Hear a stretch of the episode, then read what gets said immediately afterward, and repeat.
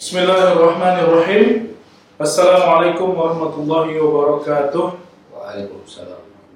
Allahumma salli ala Muhammad wa ali Muhammad. Pemirsa Kupas yang berbahagia di mana pun Anda berada bertemu kembali bersama saya dan Ustaz Musa Gazib. Eh, seperti eh, episode-episode sebelumnya kita akan membahas eh, persoalan-persoalan terkait dengan agama dan relevansinya dalam kehidupan kita. Kali ini dalam rangka memperingati peringatan eh, Maulid Rasul Shallallahu Alaihi Wasallam, kita akan memulai eh, episode soal sirah Nabi ya, ya? Ya. Sirah Nabi nanti kita akan eh, bahas beberapa poin-poin penting seputar kehidupan Rasulullah dan mungkin hal-hal yang belum banyak diungkap. Ya. Kendati dalam beberapa episode sebelumnya kita sudah sempat bicara soal bagaimana Rasul itu mendirikan negara, ya, Ustaz, ya. terus kita juga bagaimana menyinggung eh, konteks-konteks historis yang ada pada fase hidup Rasul, misalnya hijrah, Fatu Makkah dan seterusnya itu sempat beberapa kali kita sempat singgung. Nanti mungkin akan eh, kita ajak pemirsa untuk melihat sisi-sisi lain yang belum banyak dibahas. Malam ini kita mungkin akan mulai dengan episode pendahuluan, ya. Hmm. Ya, akan bicara sebetulnya seperti apa mengenal Rasul, ya kira-kira kaitannya dengan kehidupan kita sekarang ini. Mengapa kita harus perlu menggali terus menerus ini? Karena sepertinya mata air ini tidak pernah kering kan, karena keteladanan beliau yang eh, luar biasa. Kalau kita mulai Ustaz, kenapa kira-kira pribadi Rasulullah ini harus senantiasa kita kenang? Ya. Bismillahirrahmanirrahim. Assalamualaikum warahmatullahi wabarakatuh. Em, manusia ini sebagai eh, makhluk yang berpikir Hmm. selalu butuh kepada asupan pikiran. Hmm. Jadi pikirannya perlu diberi makan Maka, dan yang mendefinisikan seseorang atau manusia adalah apa yang dia pikirkan. hmm. Seperti kalau kita mau ilustrasikan tubuhnya tergantung pada apa yang dia makan. Nah, makanan yang baik akan menciptakan eh, atau tubuh ya, baik, ya. menciptakan kondisi tubuh yang baik atau memudahkan Hmm. sang eh, pemilik tubuh Ya. itu untuk hidup lebih sehat, lebih sempurna, optimal dan lain sebagainya. Begitu pula dengan eh, sisi lain dari manusia Ya. yaitu sisi intelektualnya, Hmm. sisi eh, keberpikirannya. kira- Maka para ahli mengatakan bahwa manusia dido- harus mendorong dirinya dan didorong untuk berpikir tentang hal yang baik, hmm. eh, memikirkan tentang hal yang, baik dan juga eh, me- apa, eh, mendekatkan eh, dirinya dengan sosok-sosok yang baik sehingga dia eh, mengisi hidupnya dengan memikirkan dan merenungkan hal-hal itu. Saya kira itu yang pertama basicnya. Jadi eh, Ini adalah kebutuhan manusia. Ya, ini kebutuhan eh, manusia sebagai eh, makhluk yang pembelajar, yang berpikir dan lain sebagainya, yang butuh selalu ada yang dipikirkan. Hmm. Yang kedua menurut saya bahwa sosok eh, Nabi itu lebih daripada seorang pahlawan. Hmm. Kalau pahlawan kan didefinisikan sebagai orang yang tidak memikirkan kepentingan dirinya saja. Hmm. Ya. Jadi pahlawan adalah orang yang memikirkan kepentingan orang lain.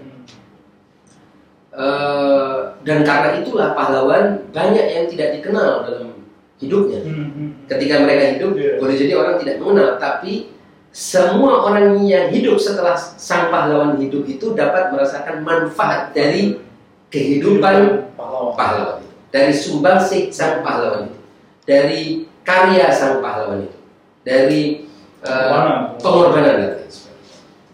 Nabi lebih daripada itu, karena Nabi bukan hanya mementingkan kepentingan orang banyak, tapi dalam agama kita diajarkan bahwa Nabi itu adalah rahmat bagi semesta alam. bukan saja manusia, tapi selain manusia pun akan mendapatkan eh, rahmat dari kehadirannya. Jadi Nabi itu sudah sampai pada tingkat di mana dia sudah tidak lagi punya pribadi, Hmm. bukan hanya tidak mementingkan pribadinya. Kalau itu kan Iya. berarti masih ada kepentingan pribadinya, tapi dia menekan kepentingan pribadinya sedemikian sehingga kepentingan orang lain yang dia dahulukan dibandingkan dengan kepentingan dirinya. Kalau seorang nabi dalam definisi ini atau rasul dalam definisi ini dan begitulah uh, Allah Subhanahu wa taala menjelaskan dalam uh, ayat yang sering kita baca wa ma arsalnaka illa lil alamin. Artinya dia sudah di dalam dirinya itu sendiri dia sudah rahmat bagi yang lain. Lil alamin artinya anda sudah merupakan rahmat bagi yang lain. Diri anda ego anda adalah rahmat bagi yang lain. Nah itulah mengapa saya kira mengenang Nabi ini akan mengajarkan kepada kita tentang bagaimana kita sebagai makhluk itu dapat hidup layaknya alam ini memberi dan e, memberi dan berkorban dan sedemikian sehingga dia menjadi energi yang positif terus menerus. Hmm. Nah kenangan kepada Nabi itu juga akan membawa positivisme seperti itu saya kira yeah. membawa uh, optimisme apa energi positif yang seperti itu sedemikian sehingga kalau kita pahami misalnya kenapa uh, sholawat kepada Nabi itu memiliki makna yang begitu besar di dalam uh, apa namanya ke di dalam riwayat-riwayat karena sholawat kepada Nabi itu menempatkan manusia, mengangkat manusia ke derajat di mana uh, dia akan uh, memikirkan itu tadi. Hmm. Dia akan memahami hmm. suatu wujud yang memberi dan memberi bahkan uh, tanpa memikirkan tentang diri. Gitu. Saya kira itu. Apalagi kita tahu misalnya di dalam uh, riwayat disebutkan di akhir-akhir uh, hayat Rasulullah Sallallahu Alaihi Wasallam dia itu mengatakan berujar hmm. ya Allah aku tidak memikirkan tentang Khadijah yang telah hmm. uh, awat ini yang telah menampung hmm.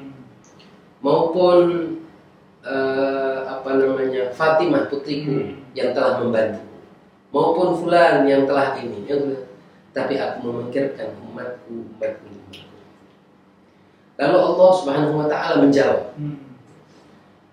Wahai Muhammad, katanya, aku adalah latif. Hmm. Ana latif, aku adalah maha lembut. Aku adalah maha lembut. Dan engkau syarif. Hmm. Wa anta syarif. Engkau ad adalah orang yang mulia. Dan umatmu itu dhaif. Umatmu itu lemah. Dan tidak ada yang uh, dan tidak ada dhaif yang akan kehilangan pegangan ketika dia berhadapan di antara yang latif dan yang syarif. Jadi, ketika engkau memikirkan tentang umatmu yang lemah ini tadi, Allah menjawab, aku ini maha lembut, engkau maha mulia. Umatmu lemah. Aku maaf, aku maha lembut, engkau mulia dan umatmu lemah. Maka yakinlah bahwa yang lemah tidak akan sampai kehilangan pegangan ketika dia berada di antara yang latif yaitu maha lemah lembut dan yang mulia. Nah dengan begitu kita lihat bagaimana Rasul di akhir hayatnya pun tidak ada yang dia pikirkan kecuali umatnya. Ini artinya apa? Ini artinya kita mendapatkan uh, energi uh, pengorbanan dan itulah mengapa mengenang Rasulullah itu sendiri uh, dapat memberi uh, sesuatu yang positif. positif. Tetapi ada kata kunci di sini, hmm. Pak, Pak Yang menurut saya mungkin sebagian orang uh, tidak mudah untuk yeah. memahami Rasulullah tanpa kata kunci. Hmm. Tidak mungkin kita memahami sejarah Rasul, hmm. ya, melainkan kita melihat Rasul sebagai sosok yang tidak pernah mementingkan dirinya sendiri. Hmm. Rasul sebagai rahmat bagi sekalian. Artinya dengan kacamata dan perspektif itulah baru kita bisa memahami. Dengan memahami Rasul baru kita bisa menyayangi Rasul. Hmm. Kalau tidak karena tidak bisa hmm. menyayangi Rasul, mencintai Rasul kalau tidak mengenal mengenal Rasul. Saya kira itu kata kunci kata kunci. Kan banyak banyak cara ini orang sampai atau mengenal kepada Rasul? Ya, ada yang belajar tentang sejarah, ada yang kemudian uh, studi dalam aspek-aspek lain. misalnya. Ya. Kira-kira yang yang tepat atau yang sesuai dengan koridor Islam itu belajar mengenang yang tepat dari Rasul itu seperti apa? Saya kira itu tadi bahwa mengenal Rasul itu haruslah mengenal pribadi utusan Allah yang telah Allah tetapkan bahwa dia adalah rahmat bagi Hmm. sekalian. Di mana kehadiran wujud yang suci ini Hmm. adalah kehadiran untuk sekalian alam. Ini dulu dipahami. Oke. Kalau perspektifnya tidak seperti ini, Hmm. apakah itu rasul dipahami sebagai rasul dalam pengertian yang apa pemimpin, Hmm. komandan perang atau- atau apa yang Iya. lain, maka dia akan salah satu pintu saja yang. Hmm. Dan itu pasti akan mempersempit perspektif. iya. Kalau dalam bahasa kaum profa, rasul itu faid. Hmm. Rasul itu adalah emanasi wujud. Sehingga kalau dipahami sebagai emanasi wujud, baru dia bisa untuk se- segala-galanya, untuk semuanya, untuk yang kita pahami maupun yang tidak kita pahami, untuk yang kita kenali maupun yang tidak kita kenali. Jadi dia akan menjadi satu sumber Hmm. eksistensial. Karena tidak bisa memahami Rasul berdasarkan ayat yang tadi saya katakan, berdasarkan ayat yang Eh, wa ma arsalnaka illa rahmatan lil alamin kecuali kita pahami bahwa itu sosok sumber turunnya rahmat Allah bagi sekalian alam semesta. Dan itu menunjukkan ke, ke ketinggian makam Rasul ya. Gitu. Hak itu tadi ketika orang bisa mengenal Rasul, Ya. maka kemudian baru bisa ada proses peneladanan gitu, atau Ya. menghadirkan Rasul dalam kehidupan yang lebih nyata ini. Hmm. supaya dia tidak berhenti pada oh ini konsep Rasul begini, ini tapi hadir di dalam diri kita, Hmm. kita meneladaninya itu bagaimana itu Ustaz? Ya. Menurut saya yang paling penting tadi ya, saya ulang lagi Iya. bahwa kita harus punya perspektif yang benar Benar. dalam, mengenal dan memahami Rasulullah. Karena kalau perspektifnya sudah em, apa namanya sempit, Sempit ya. maka citra Rasul atau kesan Rasul atau konsep Rasul Shallallahu Alaihi Wasallam di dalam pikiran kita dan dalam hati kita juga menjadi sempit Iya, betul. ya jadi akhirnya sama seperti Rasul itu kayak eh, mohon maaf ya kepala suku bagi Iya. sebagian orang gitu ya Iya. jadi atau nenek moyang bagi sebagian orang jadi mengenangnya mengenalnya itu sebagai milik yang kecil sekali sangat eksklusif. sangat eksklusif Iya.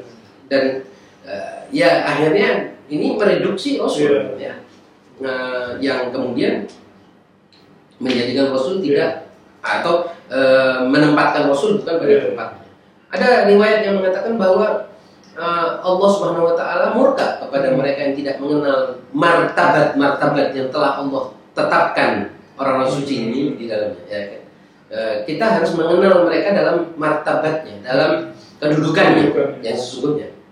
Ketika Allah mengatakan rahmatan lil alamin ya sudah, Hmm. yakini bahwa Rasulullah itu milik semuanya. Ini kan diperkuat dengan redaksi eh, perintah salawat itu kan. Inna Allah wa malaikatahu. Artinya Allah dan malaikat para malaikatnya yang bersalawat kepada Nabi. Maka wahai orang beriman Salawat. bersalawat. Artinya ini coba lihat rangkaian yang bersalawat ini sebelum orang beriman adalah Allah dan para malaikat. Allah dan para malaikat ini untuk semua kehidupan, untuk semua orang yang hidup, untuk semua makhluk yang ahli maksiat maupun yang ahli ibadah, yang pandai maupun yang bodoh, yang beragama tertentu maupun yang tidak beragama, yang berbudaya tertentu ataupun tidak berbudaya, yang di lokasi sini atau Ya. dan ini Terlingkupi oleh semua Nah.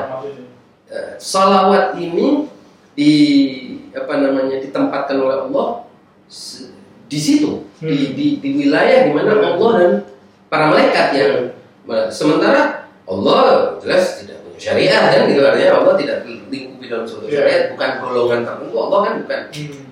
Bermadhab bergolongan Iya. beragama nah, Allah pemilik seluruh wujud ini Pak sehingga menurut saya di situ kita Iya, harus iya. memahami kalau kita tidak bisa pahami di situ ya Nah, apa namanya? Nanti segalanya menjadi ter, eh, Reduksi. tereduksi dan menjadikan Nabi Rasul Shallallahu Alaihi Wasallam tidak pada tempatnya dan kembali kepada yang pernah kita bahas Iya, pada iya. beberapa episode lalu akhirnya memahami negara Nabi pun negara yang sangat Iya. sangat sangat sempit dan sangat eh, cepat cap, eh, cetek Iya. dan dangkal dan akhirnya mengira bahwa Nabi sudah mati sudah selesai Iya. betul. Eh, seribu terus selesai itu sejarah Nabi itu sejarah Sejarah. Eh, kalau Nabi sejarah berarti ya Al-Quran juga harusnya sejarah karena itu salawat kepada Nabi kan kepada yang Iya. sosok itu maupun eh, kehidupannya yang lain nah, Iya.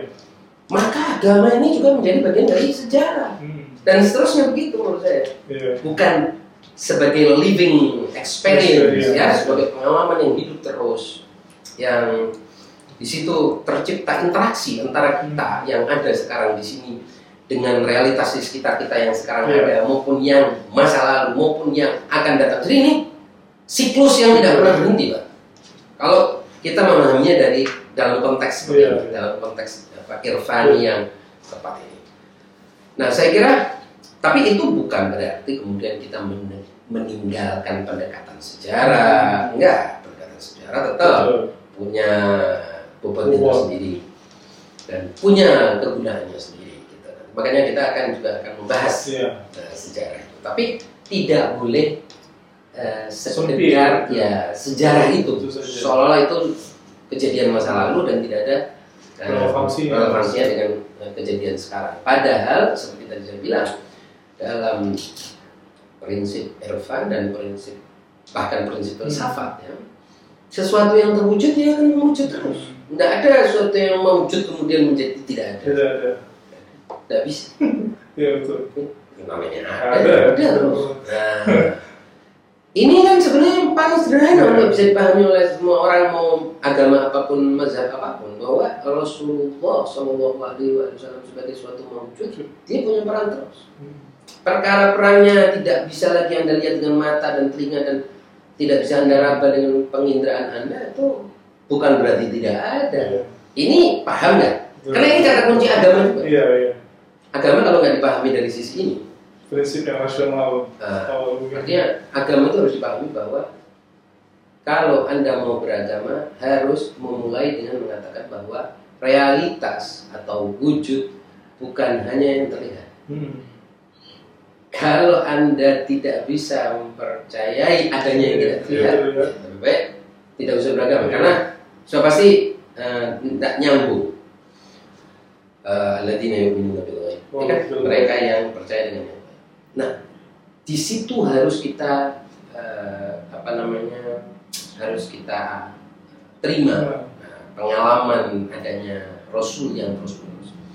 Nah, biasanya dengan cara begitu, yang akan terjadi adalah bahwa seorang yang mengenal Rasul itu juga akan ter apa ya tergugah hmm. untuk terus menerus mengikuti akhlak Rasul, Rasul. ya mengikuti eh, perilaku Rasul. Karena menghidupkan Rasul tidak bisa tidak harus dengan menghidupkan akhlak, Hmm. menghidupkan kebaikan-kebaikannya. Hmm. Rasul apa? Iya. Perilaku Rasul memperhatikan orang miskin, Iya. peduli terhadap orang yatim. Ini, ini harus dihidupkan ini karena ini risalah itu. Iya. Kalau risalah kerasulan itu Anda anggap berhenti. berhenti. Ya, dokumen gitu. ya, dokumen dan sisi-sisi fikih yang tidak ada kaitannya dengan perilaku yang bisa dirasakan semua orang Iya. dan juga tidak ada kaitannya dengan rahmat dia sebagai sekalian alam. Ya se- sebetulnya Anda nggak sam nggak nyambung. Iya. Ya memang berarti Anda juga bukan pengikut Rasul. Iya. Nah, itu. Bukan pembawa kerasulannya. Nah, bukan wadah atau kalau istilah irfannya bukan wadah dari tajalli kerasulan Muhammad di alam ini. Anda bukan wadahnya. Anda bukan pengikutnya. Iya. Anda tidak mencerminkan Rasul dalam kehidupan ini. Ya sudah, apa salah? Orang tidak bisa mengambil Rasul dari Anda. Hmm.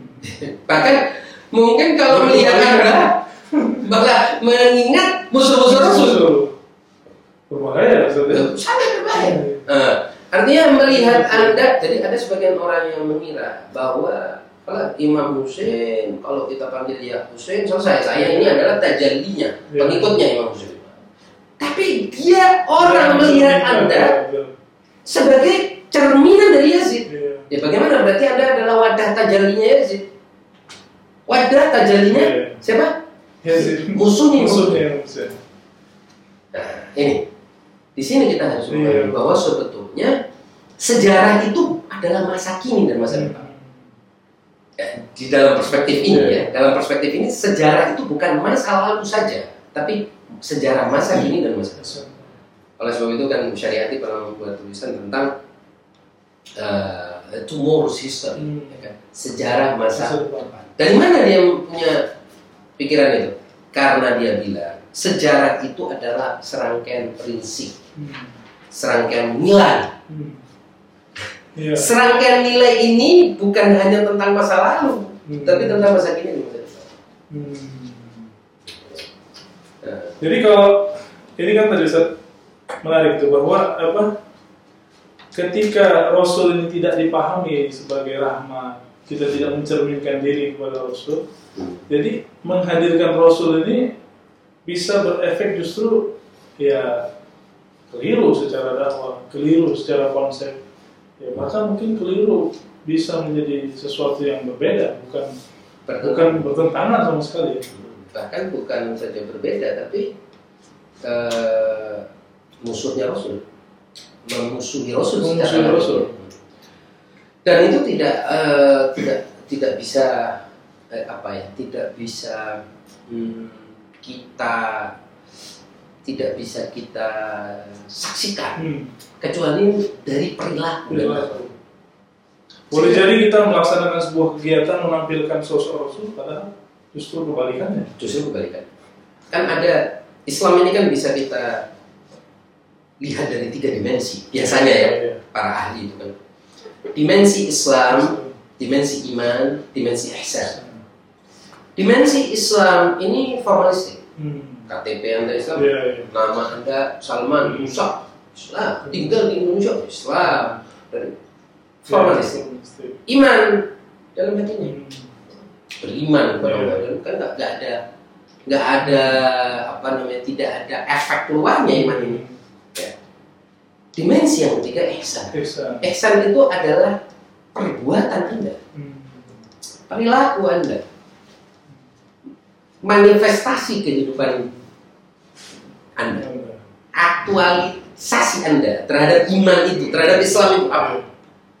Nah orang, nah ini Iya. sejumlah peneliti mengatakan orang konsentrasi pada dua itu, agama dimensi Islam dan imannya. Iman.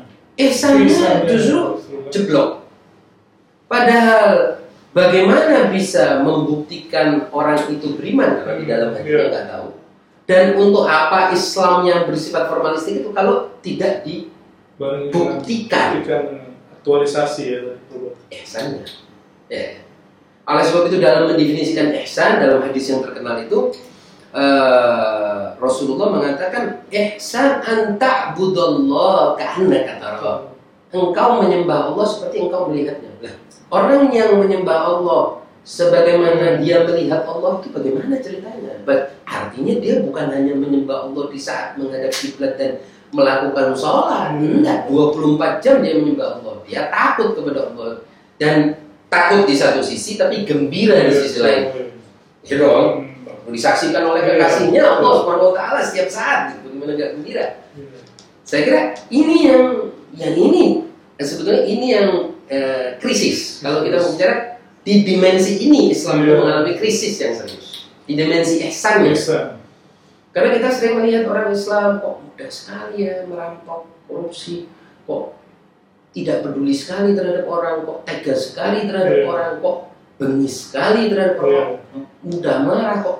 Kok di mana Ada konsep Islam kok tercermin seperti seperti ini? Dan itu yang menyebabkan banyak orang Hmm. lari dari agama, Iya. muak terhadap Islam. Ininya, Hmm. kalau kita pelajari Rasul Shallallahu Alaihi Wasallam, dimensi ihsannya ini yang paling mencolok dan paling cemerlang, Iya. paling cemerlang. Karena itu yang bisa dilihat orang, Hmm. itu yang bisa disaksikan orang. Dan pada akhirnya kita hidup di alam material, Alam yang- butuh kepada kesaksian, gitu ya. Kalau orang tidak bisa kita saksikan, kenapa Rasulullah misalnya hanya bah, bahkan bukan hanya dalam perilaku moralnya saja, dalam hal-hal yang bersifat aksesoris terhadap moral, yaitu etikanya. Misalnya, misalnya eh, tubuhnya berbau ber, harum, Hal wangi. eh, wangi, eh, pakaiannya selalu bersih, Hmm. eh, senyumnya selalu Iya. manis, Hmm. eh, tatapan matanya. Jadi hal-hal yang tidak melulu bersifat moral dalam pengertian membantu orang ya, itu oh, itu sudah sempurna. Iya. Tapi makarimul akhlak, bukan akhlaknya saja, tapi makarimul akhlak. Menjahit sandalnya sendiri. Nah, makarimul akhlak itu kan kemuliaan kemuliaan di atas kemuliaan biasa. Ya, jadi misal Rasulullah jelas menghormati orang lain. Hmm. Tapi penghormatan Rasulullah kepada orang lain itu dalam sikap di mana dia kalau memandang orang seluruh tubuhnya memandang orang itu. Hmm. Kalau berbicara kepada orang seluruh Badannya. tubuhnya badannya menghadap orang itu. Dan kalau dia berjabat tangan dengan orang, orang lain yang akan melepaskan lebih dahulu. Kalau dia memeluk orang, orang lain yang merasakan pelukan itu lebih erat pelukan Nabi daripada orang itu. Ini artinya kan di atasnya penghormatan. Itu artinya manifestasi, manifestasi fenomenal Hmm. dari Rasul. Rasul SAW.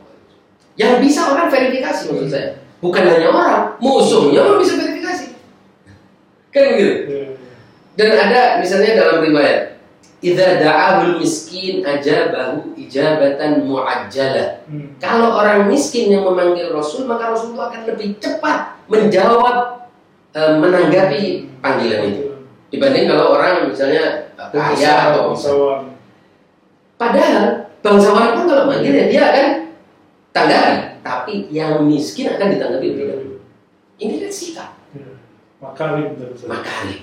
Jadi bukan hanya eh, menghormati orang, jujur, oh enggak, enggak cukup Iya. jujur. Nabi itu jujurnya sampai-sampai ketika dia mau pergi, ya. Hmm. Jadi Rasulullah di akhir masa hidupnya di Makkah kan eh, mendapatkan tekanan dari musuh-musuhnya, kemudian mau dibunuh. Iya. Eh, dan konspirasinya adalah seluruh remaja dari berbagai suku itu Ikut serta dalam. Apa yang dipikirkan oleh ketika itu? Nih, Bagaimana amanatnya? Bagaimana titipan-titipan orang termasuk suku-suku yang memusuhi dia dan orang-orang yang akan ikut serta dalam pembunuhan itu titipannya itu kembali ke mereka. Nah ini jujur kelewatan maksudnya kan gitu. Ini yang disebut makarimul Iya, akhlak. iya, iya. Makarimul akhlak itu bukan ya sudahlah Kalau orang pasti mau orang mau mencelakai kita, kita masih amanahnya masih kita. amanahnya mau kita sampaikan ke dia. Kalau orang yang memegang amanat harusnya ada orang mau mencelakai kita, amanatnya ada di rumah ya udahlah kita pergi aja. Toh kan nanti dia ketemu Iya. sama titipannya sendiri kan gitu kan? Iya. Enggak, Nabi perlu menitipkan kembali itu kepada Imam Ali yang orang yang paling dipercayai dan meminta untuk Imam Ali men- Nyampaikan. menyampaikan amanat itu kepada para pe- pe- pe- yang mereka yang berhak dan gitu, para penitipnya itu. Nah ini namanya. Makarim. Menurut saya ini tidak ada dalam sejarah. Oke. Saya kira episode pertama kita cukupkan sampai di sini Ustaz. Menarik sekali bagaimana sebetulnya contoh-contoh dari makarimul akhlak dari Rasul Sallallahu Alaihi Wasallam. Insya Allah kita akan bertemu lagi Ustaz dalam pertemuan berikutnya yang akan membahas lebih jauh soal bagaimana sisi-sisi lain dari kehidupan Rasul Sallallahu Alaihi Wasallam. Lebih kurang. Wassalamualaikum warahmatullahi wabarakatuh.